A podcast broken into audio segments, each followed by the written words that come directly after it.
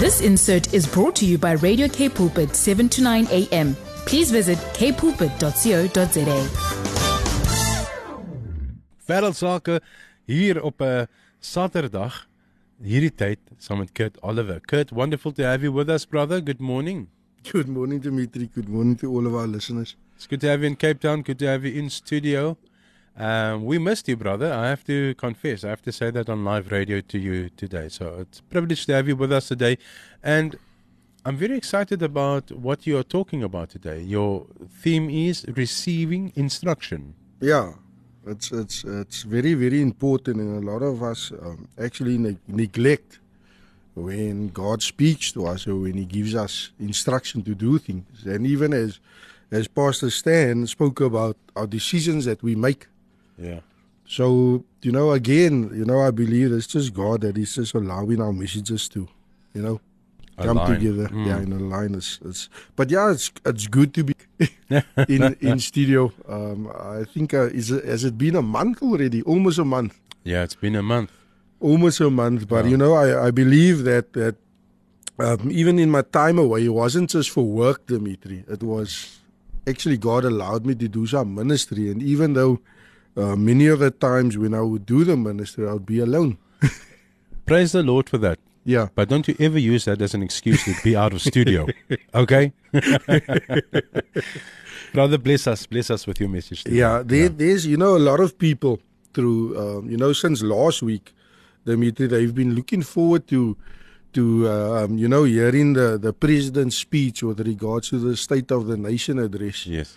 and um, you know I've even been praying about it. And but what stuck with me this week, and there's a lot of of videos and a lot of messages and a lot of prayer requests going out for what has happened in Syria with regards to the to the earthquake and and you know I've just found myself you know in a in a place of there must be much more that that that we can do for Syria and even if it's uh, you're just praying for for Syria and the people of, of Syria you are doing something and I want to encourage our, our listeners let us come together let us trust God for uh, the people in Syria and you know let us trust God even I know there's people that are still missing um, under rubble and things like that. But let us come along alongside them and let us just lift them up in prayer and just believe, you know, that that God will just come through for um, the people that has been affected by um, the earthquake there. You know, and and, and even Dimitri, um, you know, this this last few weeks I've traveled to different parts of of uh, South Africa and and to each place that I've been in and each hotel or the area that I lived in, God was ministering to me all the time. He was giving me in instruction all the time. And even like uh, last night when I was sitting, the Lord said to me, "When last did we really share testimonies, like true testimonies?" Of, of what has been happening within our lives and sometimes we become so afraid especially on radio we become so afraid that we don't want to say something that is that is inappropriate hmm. but i believe that this morning God wants his people to hear exactly what he is busy doing in different parts of of of South Africa. And you know in the hotel room on on early hours of of Tuesday morning, Dimitri the Lord woke me up. And you know I've been away long away from home and and in my mind I was saying to myself, Tuesday I'm going home. It's it's I've I had enough now Yeah. and and I'm going home. I miss my family, I miss my kids and and it's time now because my mindset is already at the end of of of the job and you know it's time to go home but then the lord says to me dimitri you shall leave wednesday morning and i think to myself another night and but i'm obedient and and and you know on monday you know i was ministering to four guys on the street and and and you know praise god. We we could even see them accept jesus into their lives and that was really really awesome. But in my mind i'm thinking okay my work is done. It's it's time to go home. Now four souls got saved. It's time to go home. And then the lord says to me tuesday morning um, when i when you get up i will give you instructions of what you need to do on that tuesday so so pastor stan i, I wake up and like i'm busy preparing myself uh, the Holy Spirit reminds me about the book my dad gave me when I was a little boy. It was a book on Koevoet, a uh, uh, uh, unit in, in the police, one of the most successful units in the police. And the Holy Spirit ministers to me all the time about this book and how I felt reading this book and how this book actually made me fall in love with wanting to to to just be a steward or a carrier of of unity. And how I when I read this book how I felt this true sense of unity because that unit consisted of all races. It was colored uh, we were black white. It was all sorts of races in uh, this unit. And I remember when reading this book I could see that true brotherhood that that was alive amongst them and how they they loved each other and how they they went and, and they fought for each other. And then the holy spirit says to me you shall go to this memorial site. And i actually leave and i go and look for where this memorial site is and it was is actually at the Voortrekker monument where this memorial is.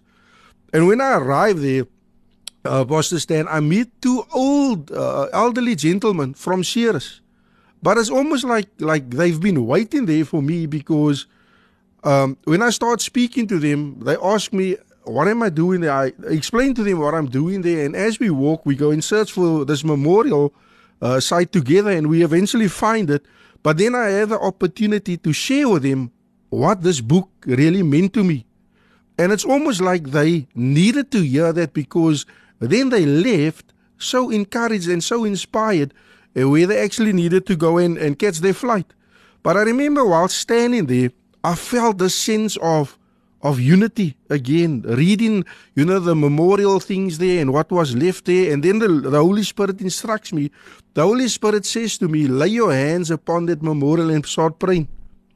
Then as I lay uh, my hands on that memorial, and I start praying, the Lord starts to minister to me. The Lord says to me, Pastor Stan, you shall be a carrier of this unity. You shall be a carrier of this unity. And as I leave, the Lord then the Holy Spirit instructs me then to go to the Voortrekker monument. And I go there and he says, lay your hands upon the monument. And I lay my hands upon the monument and I pray for unity. When I was done there, the Lord, the Holy Spirit instructs me then to go to the SAPS Memorial uh, um, uh, site that is in uh, at the Union Buildings. And as I go there, um, and and in my mind, I'm thinking to myself, okay, there's a lot of my ex-colleagues that are that are lost, that lost their lives while they were on duty, and um, I'm gonna go there and I'm gonna show my respects uh, to them, and eventually go, and I end up looking for one sergeant that I used to work with, and between the pillars uh, Dimitri, there's a young man sitting there. But as I'm looking for his name, and the Holy Spirit then starts to minister to me again and says, Listen, you need to pray for this young man. You need to lay hands upon this young man. His name, and I hope he's listening uh, today. His name is Meshu. Meshu. I hope he's listening today all the way from KZN. But I ask him, listen, what are you doing here? It's a very odd place for someone in, someone to be sitting. But as I'm speaking to him, the Holy Spirit ministers to me and says, He's sitting in a place of honor. Because when we go there, we go there to honor. So he's for two hours he's been sitting there and he just couldn't find or get himself to leave. And eventually mm. I pray for him and the Holy Spirit says, Release the spirit of unity upon him, because he too shall be a carrier of this unity. And I do that, Dimitri, and and as I leave, Dimitri, the Holy Spirit says unto me, Go stand at the Union buildings, introduce yourself to the Republic of South Africa, and release the spirit of unity over our nation. Wow. And I, and and I do that, Dimitri, and and and when I was doing it, the Lord starts to speak to me about Genesis 22, about Abraham and Isaac. When God instructed Abraham to go take Isaac to go and sacrifice him on the mountain. That instruction, can you imagine what was going through through Abraham's mind in that time? This is my son that I now need to go and sacrifice. But he was obedient in his instruction that he received. How much of us receive instruction and are not obedient? How much of us receive instructions and don't carry it out the way God instructs us to do it? But even as Abraham faced that that ultimate test, he passed that test. The Bible says in Genesis 22 from verse 12, uh, the Bible says that uh, from verse 12, do not lay a hand on the boy, he said. Do not do anything to him. Now I know that you fear God because you have not withheld me from your son, your only son. Verse 13 says, Abraham looked up and there a thicket he saw a ram caught by its horns. He went over and took the ram and sacrificed it as a burnt offering instead of his son. How much times, Dimitri, do we find ourselves in a situation where our backs is up against the wall that we so easily forget that God is our provider? How so easily we forget that we shouldn't doubt if God has given us a sure word. How easily we we forget that all things are made possible by God. How easily we forget that. And I love Dimitri what it says from from uh, verse 16 it says and and said I swear by myself declares the Lord that because you have done this meaning he was obedient to the instruction because you have done this and not withheld your son, your only son, I will surely bless you and make your descendants a number as numerous as the stars in the sky and as the sand of the on the seashore. Your descendants will take possession of the cities of their enemies, and through your offspring all nations on earth will be blessed because you obeyed me. Do we realize that what Abraham did here affected the generations, affected me, affected you, affected Oom Stan because when he received the instruction, he followed through what needed to be done. How much times do we so often neglect or want to change things according to our own will, the way we see fit? When God makes it so simple for us. Dimitri, hmm. do A, to B. That's it. A to B. A to B. There's never a C, D, E, F. It's always A to B. But we want to complicate things in such a way. And yeah. and I know, Dimitri, that that 2023 is not going to be just a, a ordinary year. It's going to be an extraordinary year because I've started experiencing extraordinary things within my own life. And I know if I'm experiencing it, then what is God's people still about to experience? Sure. I am dumbfounded about what you're sharing with us today. Um, you know what? Um, it, it's like a. Uh, what I'm seeing is, is you know, we're talking about obedience. Yeah. Uh, and the response can only come through obedience, and obedience comes through the fear of God, like you explained with uh, with Abraham. Um, and, and and that is what we need to do here. This what you what you're sharing with, with, with us today, it really ties in what I've said earlier too, um, and I think with with uh, Stan's message as well, it all ties in together. And it says, um, yeah, in in um, Proverbs three, it says, uh, tells us to to fully trust God. Yeah. And I mean, I want to ask you this question: Wasn't there one bit where you were wondering? But why is God saying this? No. No. But we tend to question. Yeah. And this is what, uh, uh, what, what, what you are bringing across is when we receive instruction, we've got to, in obedience. Yeah. And then you, you were bringing up Koevoet and you're bringing up uh, uh, soldiers and, you know, uh, people in uniform. And, and that to me is like when you receive an order. Yeah. You you you will comply. Yeah. Immediately. You will comply. You don't ask questions. You comply to the order. There's a ranking. Yeah. There's a there, it comes from the top, so you got to do it. Nobody yeah. nobody argues. Yeah. No one is saying, "Yeah, but uh, we've we've got to question the, the the motive here." Yeah. Nobody says anything because yeah. if it is a ranked officer, it is a ranked officer. We, we, we had this thing, uh, and, and Pastor Stan will know about this, has been instilled in us. Comply and complain later. That is what, and, and even though we, we, we, we're not part of the police anymore, but our mindsets, it's still like that. Yeah. And that is why when God speaks to us, we do not question. at that time because when we've done what He's asked us to done, then we start to see, we start to see, oh, this is why. Oh, that is why. And and through all of it, Dimitri, I've personally I've seen the faithfulness of God. I've seen it in everything that I've done in in especially when when he's instructed me to do things. I've seen his faithfulness. I've seen the bigger picture. So how can I not want to obey mm. if he's done so much for me? So uh, what I want to say is, is you were also talking about the uh, place of honor, and I want to wrap it up here.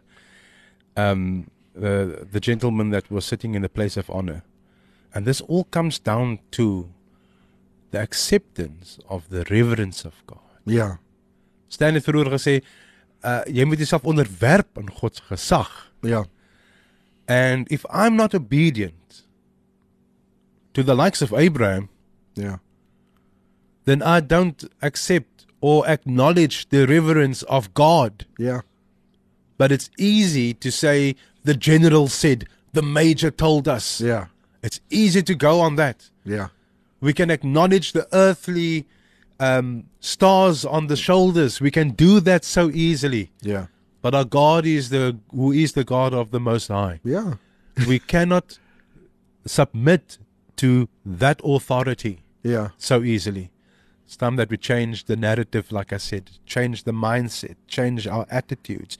This relationship that we have with God. Isn't it great that you can walk into a general's office? I mean, you come from the police, uh, a police background. Yeah. You can't just go and walk into the director uh, of police. You can't just no. go in there.